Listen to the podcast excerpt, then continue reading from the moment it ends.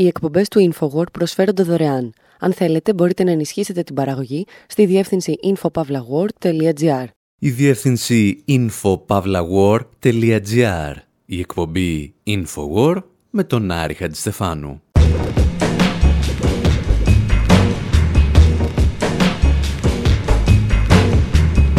Όπου σήμερα ακούμε μία είδηση για την εκπαίδευση Ουκρανών παραστρατιωτικών από τη CIA σε αμερικανικό έδαφος και αναρωτιόμαστε τι μπορεί να πάει στραβά. Θυμούμαστε ιστορίες από εποχές που όλα πήγαν στραβά, κυρίως για τη CIA. Και το κάνουμε ακούγοντας Αμερικανούς δημοσιογράφους και ερευνητές που θυμούνται τι θα πει ερευνητική δημοσιογραφία. Ταξιδεύουμε από την Αλβανία μέχρι την Πολωνία του ψυχροπολέμου και από την Κούβα μέχρι το Ιράν, αναζητώντας τις μεγαλύτερες αποτυχίες της μεγαλύτερης υπηρεσίας πληροφοριών του πλανήτη. Και ύστερα συνειδητοποιούμε ότι τα όπλα δεν είναι πάντα η καλύτερη επιλογή αν θέλεις να επιβάλλεις το δικό σου καθεστώς σε μια χώρα. Μερικές φορές το μόνο που χρειάζεσαι είναι μερικούς αναθεωρητές ιστορικούς και κανένα δυο ναυαρχίδες του αστικού τύπου που θα αναδημοσιεύουν τις ιστορίες τους.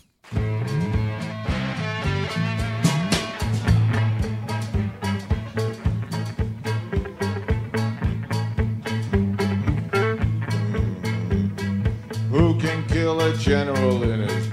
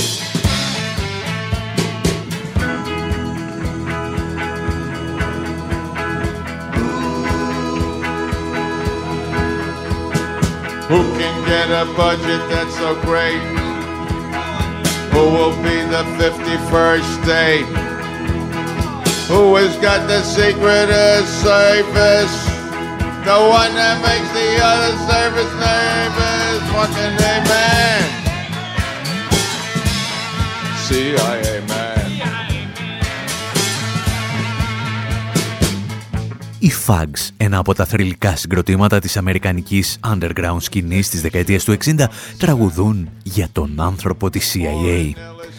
Ποιος μπορεί, λέει, να σκοτώσει έναν στρατηγό στον ύπνο του ή να εξαγοράσει μια ολόκληρη κυβέρνηση; Και κυρίως, ποιος μπορεί να εκπαιδεύει χιλιάδες αντάρτες και να τους στέλνει να σκοτώνουν τα αδέρφια τους και τα ξαδέρφια τους; Και αυτό ακριβώς το τελευταίο φαίνεται πως κάνει η CIA για άλλη μια φορά. The CIA is overseeing a secret intensive training program in the U.S. for elite Ukrainian Special Operations Forces and other intelligence personnel. Η CIA έχει υπό την επίβλεψή της ένα μυστικό πρόγραμμα εκπαίδευσης στις ΗΠΑ για τις Ουκρανικές ειδικές δυνάμεις και το προσωπικό των Ουκρανικών μυστικών υπηρεσιών. Αυτό υποστηρίζουν πέντε πρώην στελέχη των μυστικών υπηρεσιών και των υπηρεσιών εθνικής ασφάλειας που έχουν γνώση της υπόθεσης. Η εκπαίδευση που ξεκίνησε το 2015 πραγματοποιείται σε άγνωστη τοποθεσία στις ΗΠΑ. Οι εκπαιδευμένες από τη CIA δυνάμεις θα μπορούσαν σύντομα να παίξουν κέριο ρόλο στα ανατολικά σύνορα της Ουκρανίας, όπου έχουν συγκεντρωθεί ρωσικά στρατεύματα σε αυτό που πολλοί φοβούνται ότι είναι η προετοιμασία για μια μαζική εισβολή.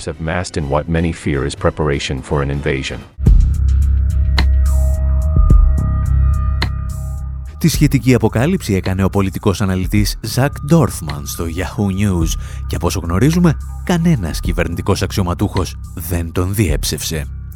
Όπως ανέφερε μάλιστα και ο συγγραφέας Μπράνκο Μάρκετιτς στη σελίδα του περιοδικού Jacobin, οι παραστρατιωτικές ομάδες Ουκρανών που εκπαιδεύει η CIA από το 2015 πιθανότατα θα αποτελούνται από καθαρούς ναζιστές. Όπως εξηγούσε ο Μάρκετιτς, το 2015, όταν ξεκινούσε το σχετικό πρόγραμμα της CIA, η Γερουσία πέρασε νόμο που θα επέτρεπε την παροχή εκατοντάδων εκατομμυρίων δολαρίων για τις σχετικές δραστηριότητες στην Ουκρανία. Το νομοσχέδιο όμως περιείχε σαφείς αναφορές ότι τα χρήματα δεν θα πρέπει να καταλήξουν σε παραστρατιωτικές ομάδες της Ουκρανίας όπως το ναζιστικό τάγμα Αζόφ. Ο νόμος πέρασε, αλλά τότε παρενέβη το Πεντάγωνο και σύμφωνα με το περιοδικό Nation ζήτησε να απαλληφθεί ο συγκεκριμένος όρος για το τάγμα Αζόφ. Και μάλλον μπορούμε να υποθέσουμε ποια είναι τελικά τα πολιτικά φρονήματα των παραστρατιωτικών που εκπαιδεύει η CIA όλα αυτά τα χρόνια. Εμάς πάντως στη σημερινή εκπομπή μας ενδιαφέρει μια άλλη πτυχή των εκπαιδευτικών προγραμμάτων της υπηρεσίας. Μια πτυχή που μας αποκαλύπτει ότι σε αντίθεση με ό,τι πιστεύουμε, πολλές φορές οι επιχειρήσεις αυτές καταλήγουν σε τραγελαφική αποτυχία. Και μερικές τέτοιες ιστορίες που ξεκινούν από το τέλος του Δευτέρου Παγκοσμίου Πολέμου θα θυμηθούμε σήμερα.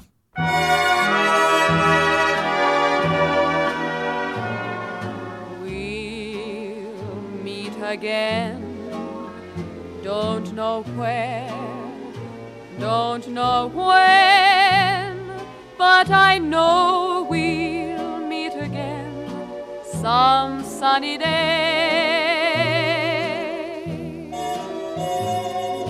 Keep smiling through, just like you always do till the blue skies drive the dark clouds far away.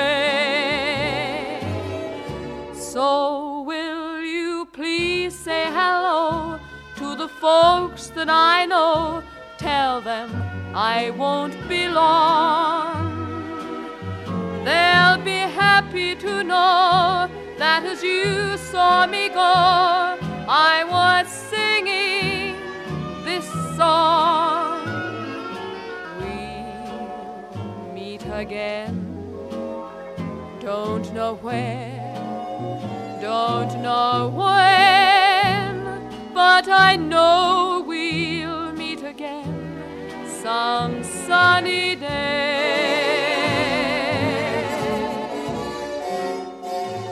Βέρα Λίν τραγουδά το θρυλικό «We'll Meet Again» που συνέδεσε την ιστορία του με τους Αμερικανούς στρατιώτες του Δευτέρου Παγκοσμίου Πολέμου. Οι στρατιώτες βέβαια κάποια στιγμή επέστρεψαν στα σπίτια τους μετά τον πόλεμο. Όχι όμως και το τραγούδι. Οι περισσότεροι θα το θυμάστε από την ψυχροπολεμική κωμωδία του Κιούμπρικ SOS Πεντάγωνο Καλή Μόσχα η συγκεκριμένη εκτέλεση όμως συνδέεται με πολλούς ακόμη τρόπους με τον ψυχρό πόλεμο. Το BBC παραδείγματος χάρη το είχε συμπεριλάβει στο playlist του λεγόμενου Wartime Broadcasting Service. Ήταν η υπηρεσία που θα συνέχιζε να μεταδίδει από πυρηνικά καταφύγια για να εμψυχώνει τον πληθυσμό σε περίπτωση ενός πυρηνικού πολέμου.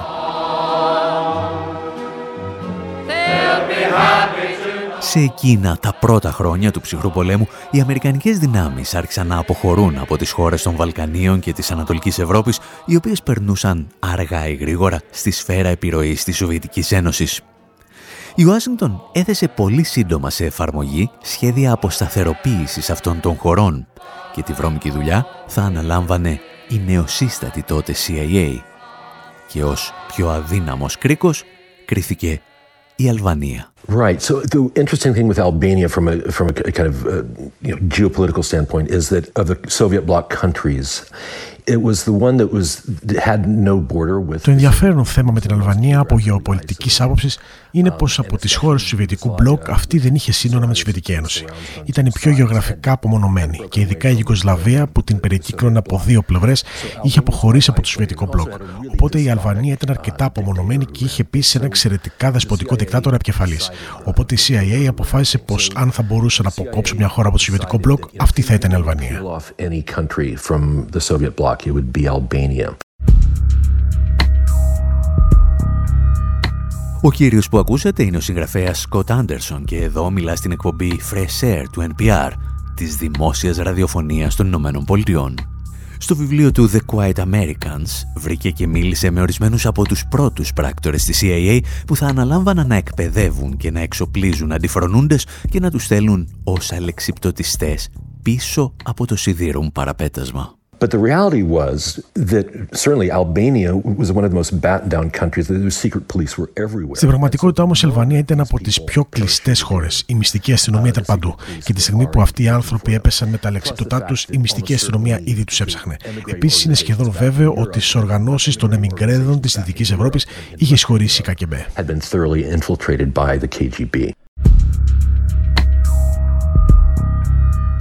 Η CIA λοιπόν εκπαίδευε παραστρατιωτικές ομάδες που έπεφταν με αλεξίπτωτα σε χώρες του Ανατολικού Μπλοκ και σχεδόν αμέσως συλλαμβάνονταν από τις τοπικές μυστικές υπηρεσίες. Μπορεί να συμβεί και στις καλύτερες των υπηρεσιών.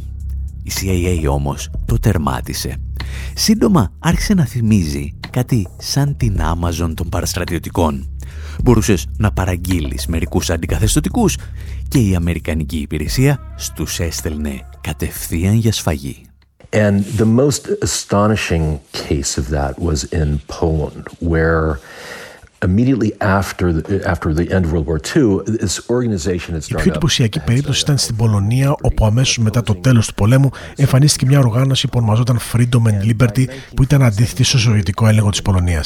Μέχρι το 1948 όμως η οργάνωση είχε αποδεκατιστεί. Μερικά χρόνια αργότερα ξαφνικά επαναφανίστηκε και ξεκίνησε να στέλνει μηνύματα στη Δύση αρχής γενομένης το 1949. Σε αυτά ανέφερε ότι μπορεί να μην έχει πλέον δύναμη 30.000 μαχητών όπως παλιά, αλλά συνέχιζε να πολεμά και χρειαζόταν βοήθεια. Οπότε η CIA οργάνωσε μια επιχείρηση για να βοηθήσει αυτή την αντικομουνιστική ομάδα στην Πολωνία, ρίχνοντας καταδρομή με αλεξίπτωτο. Εν τέλει αποδείχθηκε ότι όλη η υπόθεση ήταν μια απάτη και η οργάνωση είχε πραγματικά εξολοθρευτεί οριστικά το 1947. Η απάτη στήθηκε από την πολωνική κυβέρνηση και την ΚΑΚΕΜΠΕ και συμμετείχαν δεκάδες, αν όχι εκατοντάδες άνθρωποι. Για δύο χρόνια λοιπόν η CIA έστελνε ανθρώπους και χρήματα που κατέληγαν απευθεία στα χέρια της πολωνικής μυστικής αστυνομίας και της ΚΑΚΕΜΠΕ. KGB. Οι πρώτες επιχειρήσεις λοιπόν της νεοσύστατης CIA στα Βαλκάνια και την Ανατολική Ευρώπη ήταν η ντροπή της αποτυχίας και γι' αυτό δεν αναφέρονται συχνά στα επίσημα βιβλία της ιστορίας. Ευτυχώς υπάρχουν σημαντικοί Αμερικανοί δημοσιογράφοι και το δημόσιο ραδιόφωνο των Ηνωμένων Πολιτειών που συνεχίζουν να τιμούν τους τίτλους τους. Στην Ελλάδα, όπως καταλαβαίνετε, θα είχαν πάει σπίτια τους.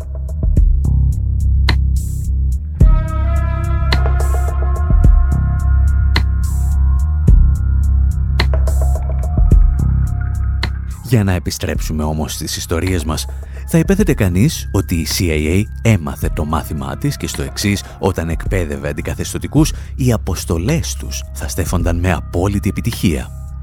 Έτσι νόμιζαν στο Λάγκλεϊ, γιατί ακόμη δεν είχαν γνωρίσει τον Φιντέλ Κάστρο και τον Τζεγκεβάρα. Η δεύτερη σημαντικότερη αποτυχία των Αμερικανικών μυστικών υπηρεσιών θα έρθει το 1961. Μια ιστορία που πάντα ξεκινάμε να διηγούμαστε με ένα απόσπασμα από το ντοκιμαντέρ Outfoxed. In the great 1974 film The Godfather 2,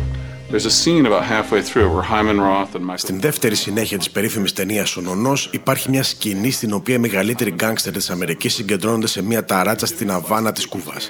Είναι τα 67 γενέθλια του Ροθ και αυτός δίνει από ένα κομμάτι της τούρτας σε κάθε γκάγκστερ. Λέει, Εσύ Λούι από το Σικάγο θα πάρεις την Κόπα Καμπάνα. Φράγκη θα πάρεις τις Ιερόδουλες. Μοιράζει το νησί σε να είναι και αυτό μια τούρτα. Και καθώς κόβει τα κομμάτια, λέει την εξής φράση. Δεν είναι εκπληκτικό να ζει σε μια χώρα όπου η κυβέρνηση σέβεται την ιδιωτική πρωτοβουλία πρωτοβουλία. Isn't it great to be in a country with a government that respects private enterprise?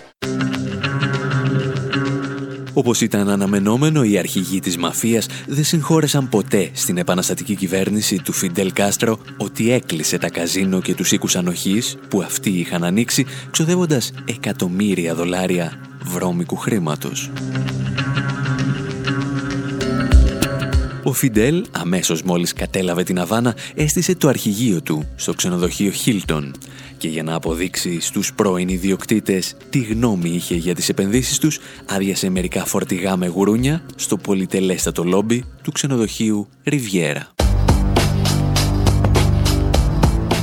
Κάποιος έπρεπε λοιπόν να αναλάβει την προστασία των Αμερικανικών επενδύσεων στο νησί. Και δεν ήταν λίγα τα ανώτατα στελέχη των συνδικάτων του εγκλήματος που πίστεψαν ότι αυτός ο κάποιος θα μπορούσε να είναι ο Τζον Κέννεντι. Οι επιτελείς του State Department και της CIA σκαρφίζονταν τις πιο ανόητες επιθέσεις εναντίον του Φιντέλ Κάστρο.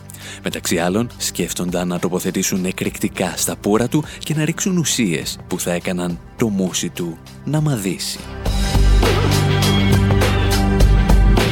Ελαφρώς πιο σοβαρός ο Κέννεντι αποφασίζει να μείνει πιστός στην αμερικανική παράδοση των στρατιωτικών εισβολών και διατάσσει τη CIA να προετοιμάσει την περίφημη εισβολή στον κόλπο των χείρων.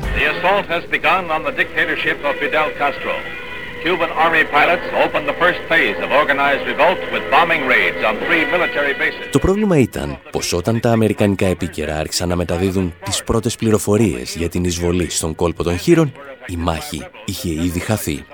Οι Ηνωμένες Πολιτείες είχαν υποστεί μια από τις πιο ταπεινωτικές ήττες στην ιστορία του 20ου αιώνα.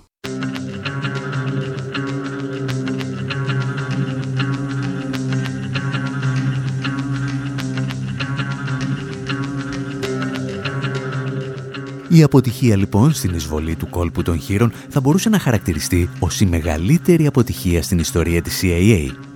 Όπως έλεγε όμως και ένας άλλος αγγλοσάξονας πράκτορας, ποτέ μην λες ποτέ.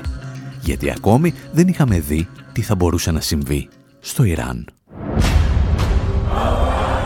Actions of Iran have shocked the civilized world.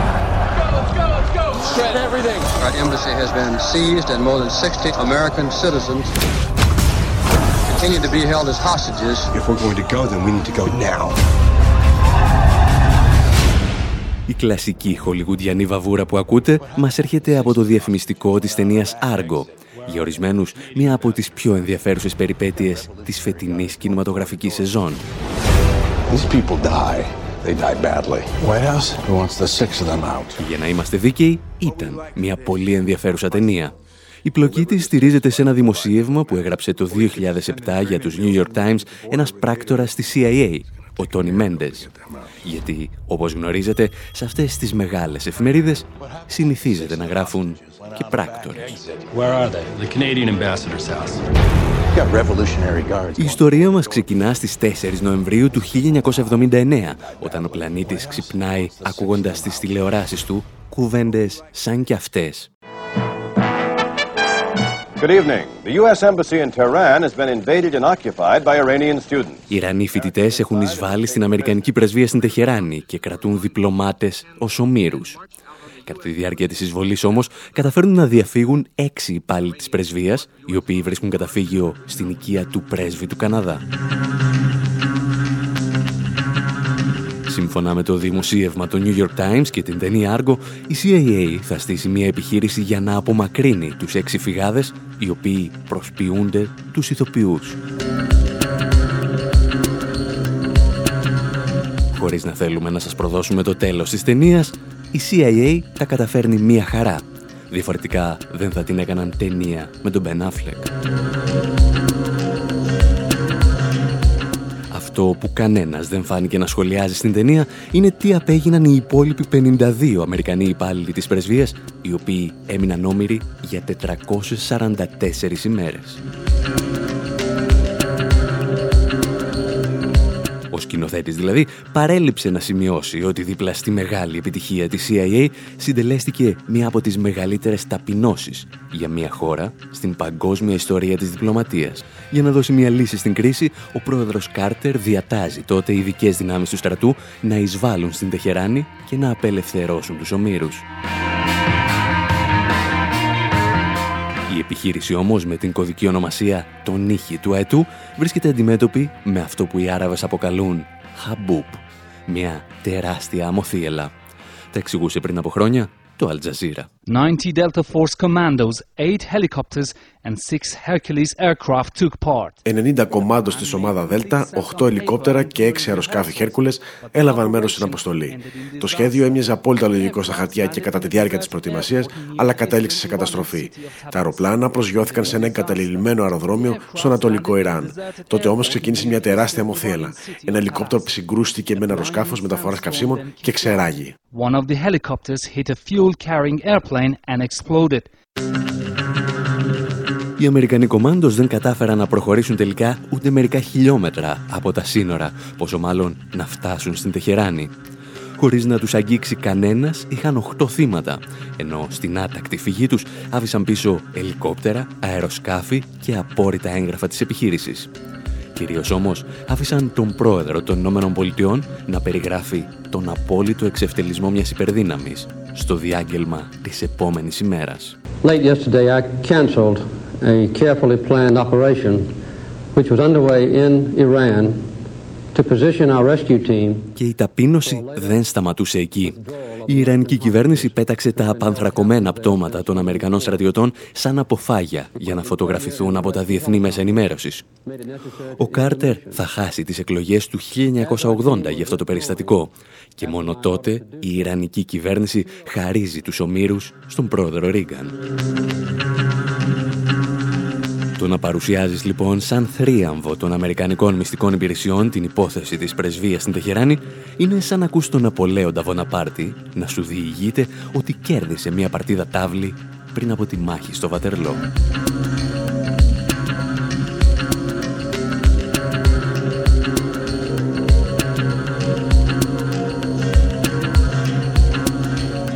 Εσείς πάντως μένετε εδώ, γιατί στο δεύτερο μέρος της εκπομπής επιστρέφουμε εκεί από όπου ξεκινήσαμε, στην Ουκρανία, για να θυμηθούμε ότι μερικές φορές αυτά που δεν μπορούν να πετύχουν οι καλύτερα εκπαιδευμένες παραστρατιωτικές ομάδες μπορούν να τα καταφέρουν μερικοί αναθεωρητές ιστορικοί.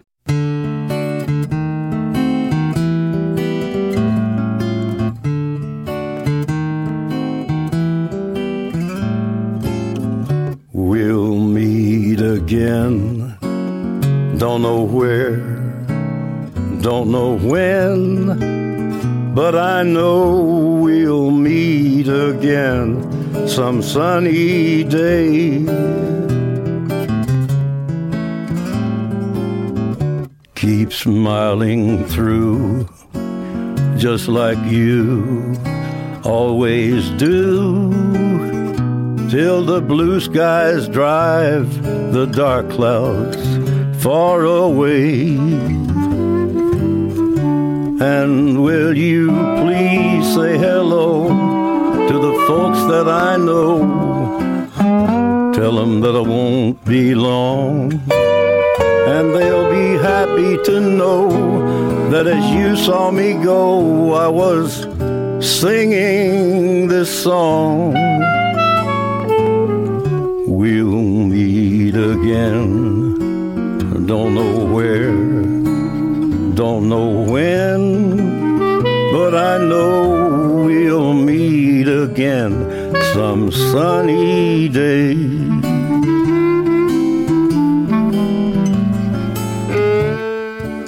Yeah, we'll meet again. I don't know where, and I don't know when.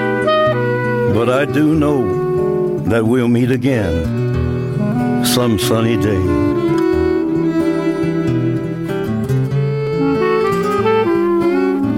So, honey, keep on smiling through, just like you always do, till the blue skies drive the dark clouds far away.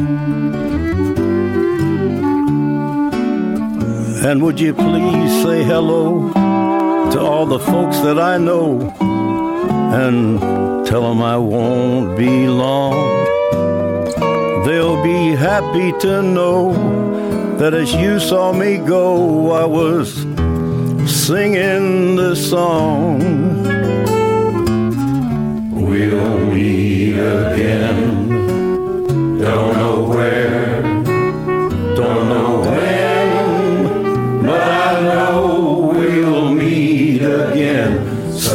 sunny day.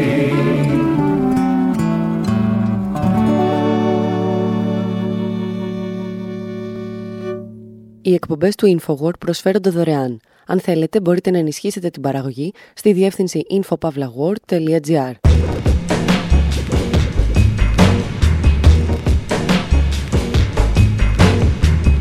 Εκπομπή InfoWord, μέρος δεύτερο. Όπου αφού είδαμε πως η CIA δοκιμάζει στην Ουκρανία ένα εγχείρημα που έχει αποτύχει πολλές φορές στο παρελθόν, δηλαδή να εκπαιδεύει ομάδες παραστρατιωτικών, θα δούμε και μερικά παραδείγματα όπου τα κατάφερε. Όχι όμως με όπλα και στρατόπεδα εκπαίδευσης, αλλά με την ενίσχυση ορισμένων αναθεωρητών που αποφάσισαν να ξαναγράψουν την ιστορία του Δευτέρου Παγκοσμίου Πολέμου.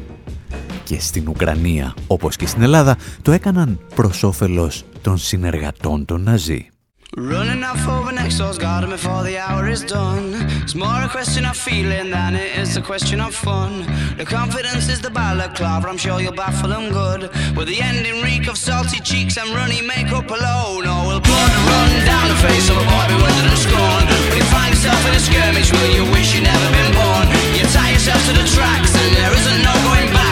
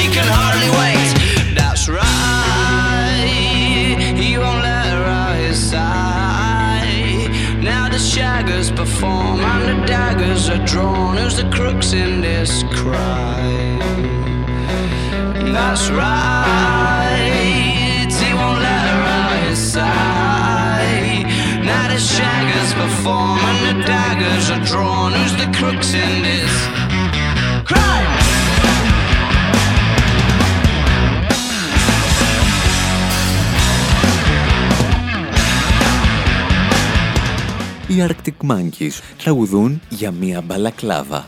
Τη κουκούλα προσώπου που πήρε το όνομά της από την πόλη της Μπαλακλάβα στην Κρυμαία. Ήταν, αν θυμάστε, οι κουκούλες που έπλεκαν οι γυναίκες των Βρετανών φαντάρων για να αντιμετωπίζουν το κρύο στη μάχη του πολέμου της Κρυμαίας. Βρισκόμαστε δηλαδή στα μέσα του 19ου αιώνα, όταν η σημερινή Ουκρανία συνθλίβεται από τη σύγκρουση των Αγγλογάλων από τη μία και της Ρωσικής Αυτοκρατορίας από την άλλη.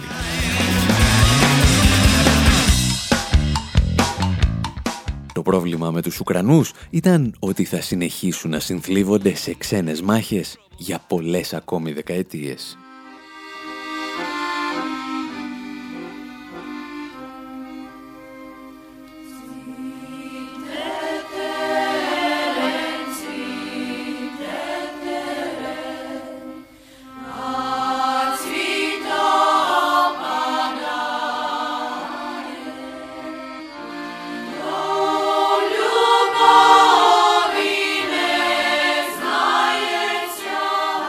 Όταν τελειώνει ο Πρώτος Παγκόσμιος Πόλεμος, οι λαοί της Ευρώπης μετράνε τα κομμάτια τους. Κάποιοι έχουν μερικά παραπάνω και κάποιοι μερικά λιγότερα.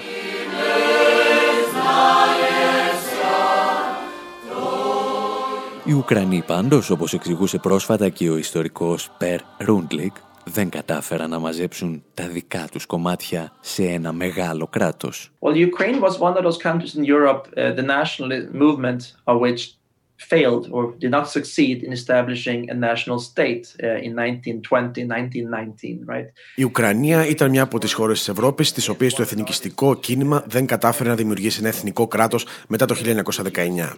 Η Ουκρανία διασπάστηκε ουσιαστικά σε τέσσερα κομμάτια, από τα οποία τα δύο ισχυρότερα πέρασαν στον έλεγχο της Πολωνίας και της Σοβιετικής Ένωσης. Στη δεκαετία του 1920, ο Ουκρανικός εθνικισμός είχε ως επιτοπλίστων αριστερά χαρακτηριστικά. Ύστερα όμως, η Σοβιετική Ένωση άρχισε να αποκτά αυταρχικά χαρακτηριστικά, επί τη ηγεσία του Στάλιν, ενώ η πολιτική που επέβαλε στην Ουκρανία οδήγησε σε εκατομμύρια θανάτους από ασυτεία. Μετά το 1926, η πολωνική ηγεσία άρχισε να γίνεται εξαιρετικά αυταρχική. Το αποτέλεσμα ήταν ότι ο Ουκρανικός εθνικισμός άρχισε πλέον να έχει ακροδεξιό χαρακτήρα.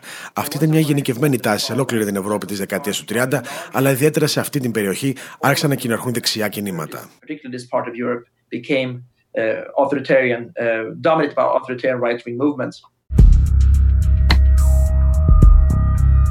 Στην Ουκρανία λοιπόν αναπτύσσεται ένα ακροδεξιό εθνικιστικό κίνημα που ακούει στο όνομα Οργανισμός Ουκρανών Εθνικιστών και όταν ο γερμανικός ναζισμός επιχειρεί πλέον να καταλάβει την Ευρώπη, οι Ουκρανοί εθνικιστές βλέπουν στο πρόσωπο του Χίτλερ τον ηγέτη που πάντα ήθελαν, έναν κοντό με λαμψό άριο. Many Ukrainian nationalists from Western Ukraine Uh, ended up under, under German control and, in, and they were reconstituted there in Krakow. Αρκετοί Ουκρανοί εθνικιστές βρέθηκαν στις περιοχές που είχε υπό τον έλεγχο της η Γερμανία και συνεργάστηκαν μαζί της, θεωρώντας ότι θα είναι ο καταλήτης που θα αλλάξει το status quo στην Ευρώπη.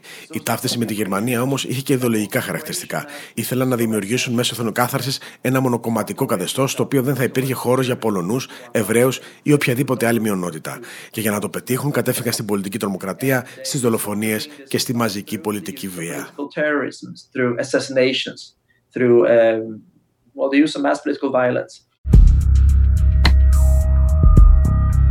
Φυσικά το να είσαι φασίστας και να συνεργάζεσαι με τον Χίτλερ είναι μια κατάσταση λίγο πολύ γνωστή σε ολόκληρη την Ευρώπη. Το να είσαι όμως φασίστας και να μην σε θέλει ούτε ο Χίτλερ φαίνεται ότι μόνο οι Ουκρανοί εθνικιστές το κατάφεραν. Οι πρόγονοι όμως των σημερινών νεοναζιστών που συμμετέχουν στην κυβέρνηση ήταν ικανή για όλα. As World War II broke out, uh, there, were, there was a wave of anti-Jewish violence in Western Ukraine and the UN um, Όταν ξέσπασε ο δεύτερος παγκόσμιος πόλεμος, η Ένωση Ουκρανών Εθνικιστών έπαιξε καθοριστικό ρόλο στο πογκρόμ εναντίον των Εβραίων, από τα οποία σκοτώθηκαν από 17 έως 35.000 άνθρωποι σε διάστημα λίγων εβδομάδων. Η Ένωση Ουκρανών Εθνικιστών ήθελε να δημιουργήσει ένα εξάρτητο Ουκρανικό κράτος, αλλά οι Γερμανοί, σε αντίθεση με την περίπτωση της Ουκρανίας ή της Σλοβακίας, δεν ήταν έτοιμοι να τους αναγνωρίσουν σαν συμμάχους.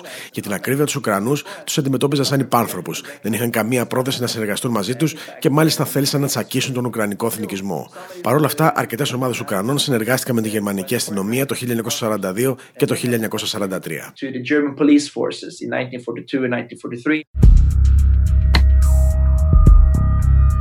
Στην Ουκρανία λοιπόν έχουμε δυνάμεις ενόπλων που συνδράμουν το έργο των ναζιστών οι οποίοι επιχειρούν να εξοντώσουν τους συμπατριώτες τους ακόμη και τους δεξιούς εθνικιστές συμπατριώτες τους. Και αν αυτό δεν σας θυμίζει ήδη τα ελληνικά τάγματα ασφαλείας, να το κοιτάξετε. Κάπου εδώ αρχίζει όμως και το πραγματικά ενδιαφέρον κομμάτι της ιστορίας μας. Το πώς δηλαδή οι πολιτικοί, καθηγητές πανεπιστημίου και μεγάλες εφημερίδες επιχειρούν τα τελευταία χρόνια να δικαιολογήσουν τους συνεργάτες των Ναζί στην Ελλάδα και όχι μόνο. Αυτά όμως είναι ιστορίες για να διηγηθούμε ύστερα από ένα μικρό διάλειμμα.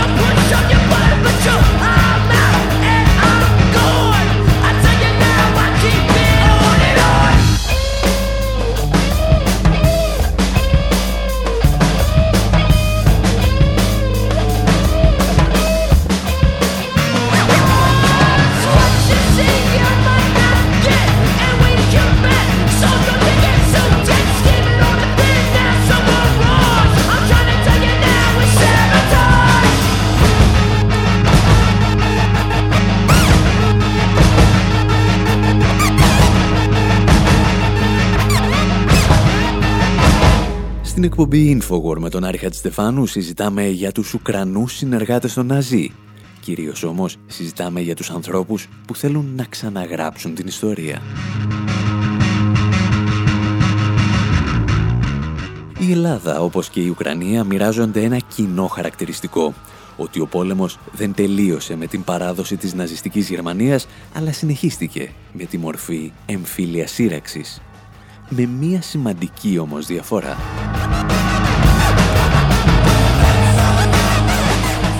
Στην Ελλάδα οι συνεργάτες των Ναζί ήταν στο πλευρό των Άγγλων και της κυβέρνησης. Στην Ουκρανία οι εκεί ταγματασφαλίτες μάχονταν εναντίον της κυβέρνησης που είχε περάσει πλέον στον έλεγχο της Σοβιετικής Ένωσης.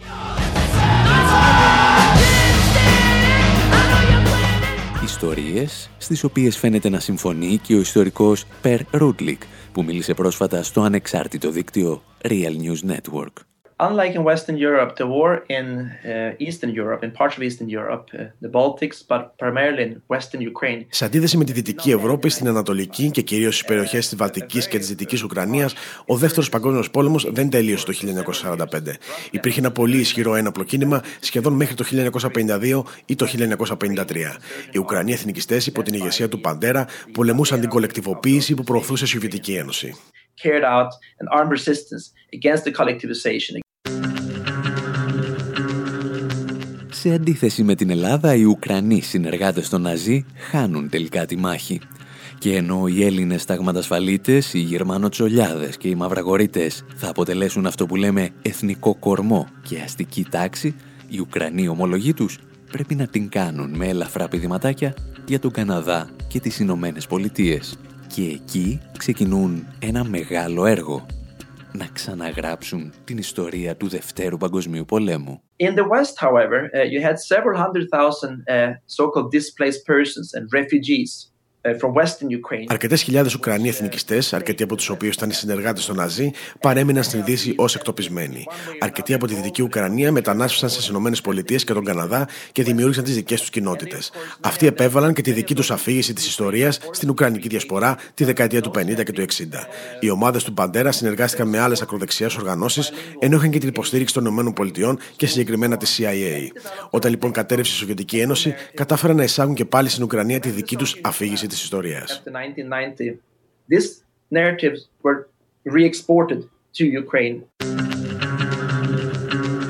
Προκειμένου να επιβάλλουν οι συνεργάτες των Ναζί τη δική τους αφήγηση της ιστορίας θα χρειαστούν μια μικρή βοήθεια, η οποία παραδόξως έρχεται και πάλι από το εξωτερικό. Μια βοήθεια που έρχεται από το State Department και διάφορες μη κυβερνητικές οργανώσεις με τη μορφή μιας πορτοκαλί επανάστασης. When Viktor Yushchenko came to power after the so-called Orange Revolution in 2005-2004, όταν ο Βίκτορ Ιουτσένκο ήρθε στην εξουσία μετά τη λεγόμενη Πορτοκαλή Επανάσταση, μετέτρεψε αυτή την αφήγηση σε εθνικό μύθο για την Ουκρανία, ενώ παρουσίαζε τον Στέπαν Παντέρα σε εθνικό ήρωα. Παράλληλα, υιοθέτησε μια αφήγηση με την οποία ο λοιμός του 1932 παρουσιαζόταν σαν εσκεμμένη γενοκτονία από τη Σοβιετική Ένωση. Ενώ μάλιστα οι περισσότεροι ιστορικοί πιστεύουν ότι ο αριθμός των θυμάτων από το λοιμό κυμαίνεται από 2,6 έως 3,9 εκατομμύρια, η κυβέρνηση Ιουτσένκο υποστηρίζει ότι πεθαίνουν τουλάχιστον 10 εκατομμύρια government claimed over 10 million deaths being killed, uh, people being killed in the famine. Οι φασίστες συνεργάτες των Ναζί λοιπόν γίνονται ήρωες στην Ουκρανία. Και το ερώτημα για τη σημερινή εκπομπή είναι έχουμε να μοιραστούμε κάτι κοινό με αυτή τη χώρα τελικά; Προκειμένου να δώσουμε μια πρώτη απάντηση, ρώτησα καταρχήν τον καθηγητή ιστορίας Σπύρο Μαρκέτο να μας πει ποιοι ήταν οι Έλληνες φασίστες που συνεργάστηκαν με τους Ναζί. Η πρώτη μαζική φασιστική οργάνωση στην Ελλάδα είναι τα τάγματα ασφαλείας. Έχουμε ομάδες οι οποίες εξοπλίζονται από μια φασιστική δύναμη, δίνουν όρκο στο Χίτλερ, που χρησιμοποιούνται επικουρικά στις δυνάμεις κατοχής. Δεν είναι το βάρος της απόδειξης στη μεριά αυτών που λένε ότι είναι φασιστικά τα τάγματα ασφαλείας. Αυτοί που λένε ότι δεν είναι φασιστικά αυτά τα τάγματα είναι αυτοί που οφείλουν να αποδείξουν πώς μπορεί τέτοιοι μηχανισμοί οι οποίοι και στο δημόσιο λόγο τους και στην οργάνωσή τους και στην πρακτική τους είχαν τυπικά φασιστικά χαρακτηριστικά, πώς μπορεί να μην ήταν φασιστικά. επιχειρήθηκε αυτό από κάποιους ιστορικούς που προσπάθησαν να νομιμοποιήσουν το φασισμό πριν από μερικά χρόνια χωρίς ε, επιτυχία κατά τη γνώμη μου. Οι αναθεωρητές της ιστορίας λοιπόν προσπάθησαν τα τελευταία χρόνια, αλλά μάλλον απέτυχαν να νομιμοποιήσουν τους συνεργάτες των Ναζί. Μέσα από αυτή την προσπάθεια όμως, όπως μου εξηγούσε ο καθηγητής Μιχάλης Πορταλάκης, θα γεννηθεί και η θεωρία των δύο άκρων.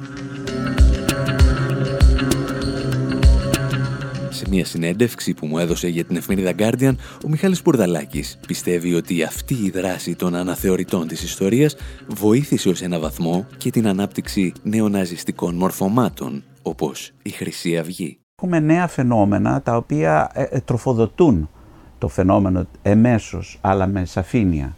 Ένα από αυτά θα πρέπει να πω ότι είναι ο νέος αναθεωρητισμός της ιστορίας, που εμφανίστηκε εδώ και 10-15 χρόνια στην, στην Ήπειρό μας.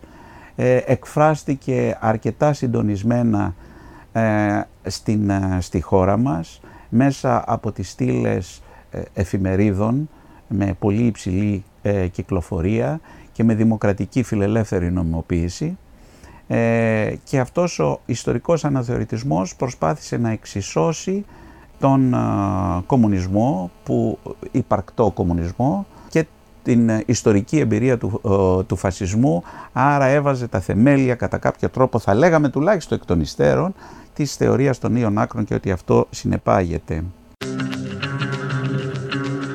Το ποιες ήταν οι μεγάλες ελληνικές εφημερίδες που προσπάθησαν να ξαναγράψουν την ιστορία προς όφελος των συνεργατών των Ναζί, θα το αφήσουμε να το σκεφτείτε μόνοι σας γιατί εμάς εδώ μας ενδιαφέρει μια άλλη παρατήρηση του καθηγητή Μιχάλης Πορδαλάκη, ο ρόλος της Ευρωπαϊκής Ένωσης. Μιας ένωσης που όπως μου εξηγεί και ο καθηγητής Γιώργος Μαργαρίτης, ακόμη και όταν υποτίθεται ότι χτυπά την άκρα δεξιά, το κάνει με απότερο στόχο να χτυπήσει τελικά την αριστερά. Εχθρεύεται τον, ε, την, ε, τις ακροδεξιές λύσεις μόνο και μόνο για να έχει το νομικό δικαίωμα ή αν θέλετε το ηθικό δικαίωμα ή αν θέλετε το πολιτικό δικαίωμα να χτυπάει τις αριστερές λύσεις. Είναι η πολιτική των δύο άκρων, είναι η ταύτιση κομμουνισμού-φασισμού και επειδή δεν βγαίνει κιόλας η ιστοριογραφία, η επιστήμη, ας πούμε, ξέρω εγώ, οι έρευνες που γίνονται δεν το βγάζουν αυτό το σχήμα με τίποτα. Επιστρατεύονται τα μεγάλα μέσα. Αυτή τη στιγμή στην Ευρωπαϊκή Ένωση, όποιος όποιος εξημών των ιστορικών και των πολιτικών επιστημόνων θελήσει να κάνει έρευνα που να αποδεικνύει την ταύτιση κομμουνισμού-φασισμού για πρώτη προκαταβολή έχει 100.000 ευρώ. Εντάξει, ε, αυτό, μας, αυτό κάνει και αισιόδοξο. Δηλαδή, όταν, όταν προσπαθείς με τέτοιους χιδαίους τρόπους να εξαγοράσεις επιστήμονες, σημαίνει ότι κάπου δεν πας καλά. Κάπου δεν πας καλά. Ότι έχεις πρόβλημα. Και εσύ και το σύστημά σου και όλα όσα μας υπόσχεσαι και γενικά ο κόσμος μέσα στο, στον οποίο μας υποχρεώνεις να ζούμε. Κάπου εδώ όμως εμείς λέμε να σας αφήσουμε και για αυτή την εβδομάδα.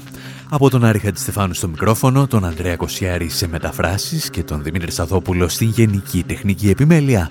Γεια σας και χαρά σας.